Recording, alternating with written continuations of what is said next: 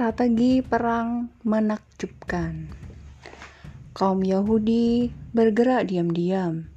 Mereka mulai menyusun siasat licik. Suatu hari, berangkatlah 20 pemimpin Yahudi Bani Nazir ke Mekah. Tujuannya untuk menghasut kaum Quraisy agar melancarkan serangan kepada kaum muslim. Kaum Yahudi berjanji untuk membantu. Mereka juga pergi ke perkampungan Bani Gholtafan dan kabilah Arab lainnya. Terkumpullah kekuatan besar untuk menghancurkan Islam. Dari selatan bergerak 4000 pasukan. Dari selatan bergerak 4000 pasukan Quraisy dan Kinanah bersama sekutu mereka dari penduduk Tihamah. Mereka dipimpin Abu Sofyan di Maru Zahran, mereka bergabung dengan Bani Salim. Dari arah timur, datang pasukan dari Gholtafan. Alhamdulillah, sebelum pasukan itu bergerak, Rasulullah Shallallahu Alaihi Wasallam telah mengetahuinya. Seorang mata-mata telah menyampaikan informasi itu kepada Rasulullah Shallallahu Alaihi Wasallam. Rasulullah Shallallahu Alaihi Wasallam segera mengumpulkan para sahabat untuk bermusyawarah. Salman Al-Farisi mengusulkan strategi cemerlang. Strategi itu biasa dipakai oleh pasukan Persia, yaitu menggali parit sebagai pertahanan. Madinah adalah kota yang dikelilingi gunung dan kebun kurma. Hanya satu sisi yang terbuka, yaitu sisi utara. Rasulullah Shallallahu Alaihi Wasallam tahu bahwa pasukan sekutu Ahzab akan menyerang dari sana. Oleh karena itu, usul Salman disetujui. Penggalian segera dilaksanakan.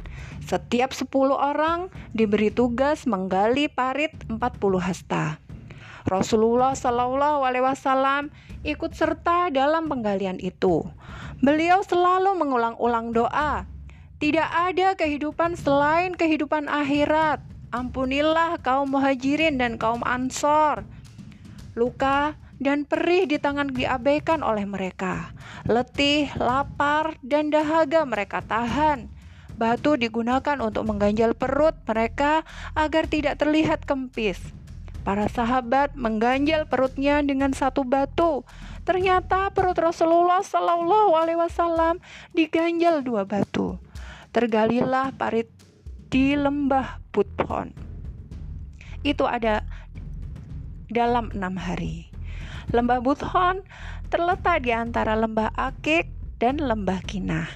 Semua rumah yang berdekatan dengan parit dikosongkan. Tembok-tembok rumah yang berhadapan dengan musuh dijaga ketat. Perempuan dan anak-anak dikumpulkan di dalam sebuah rumah di perbukitan. Mereka dijaga dengan ketat. Rasulullah Shallallahu Alaihi Wasallam mempertahankan Madinah bersama 3.000 orang pasukan.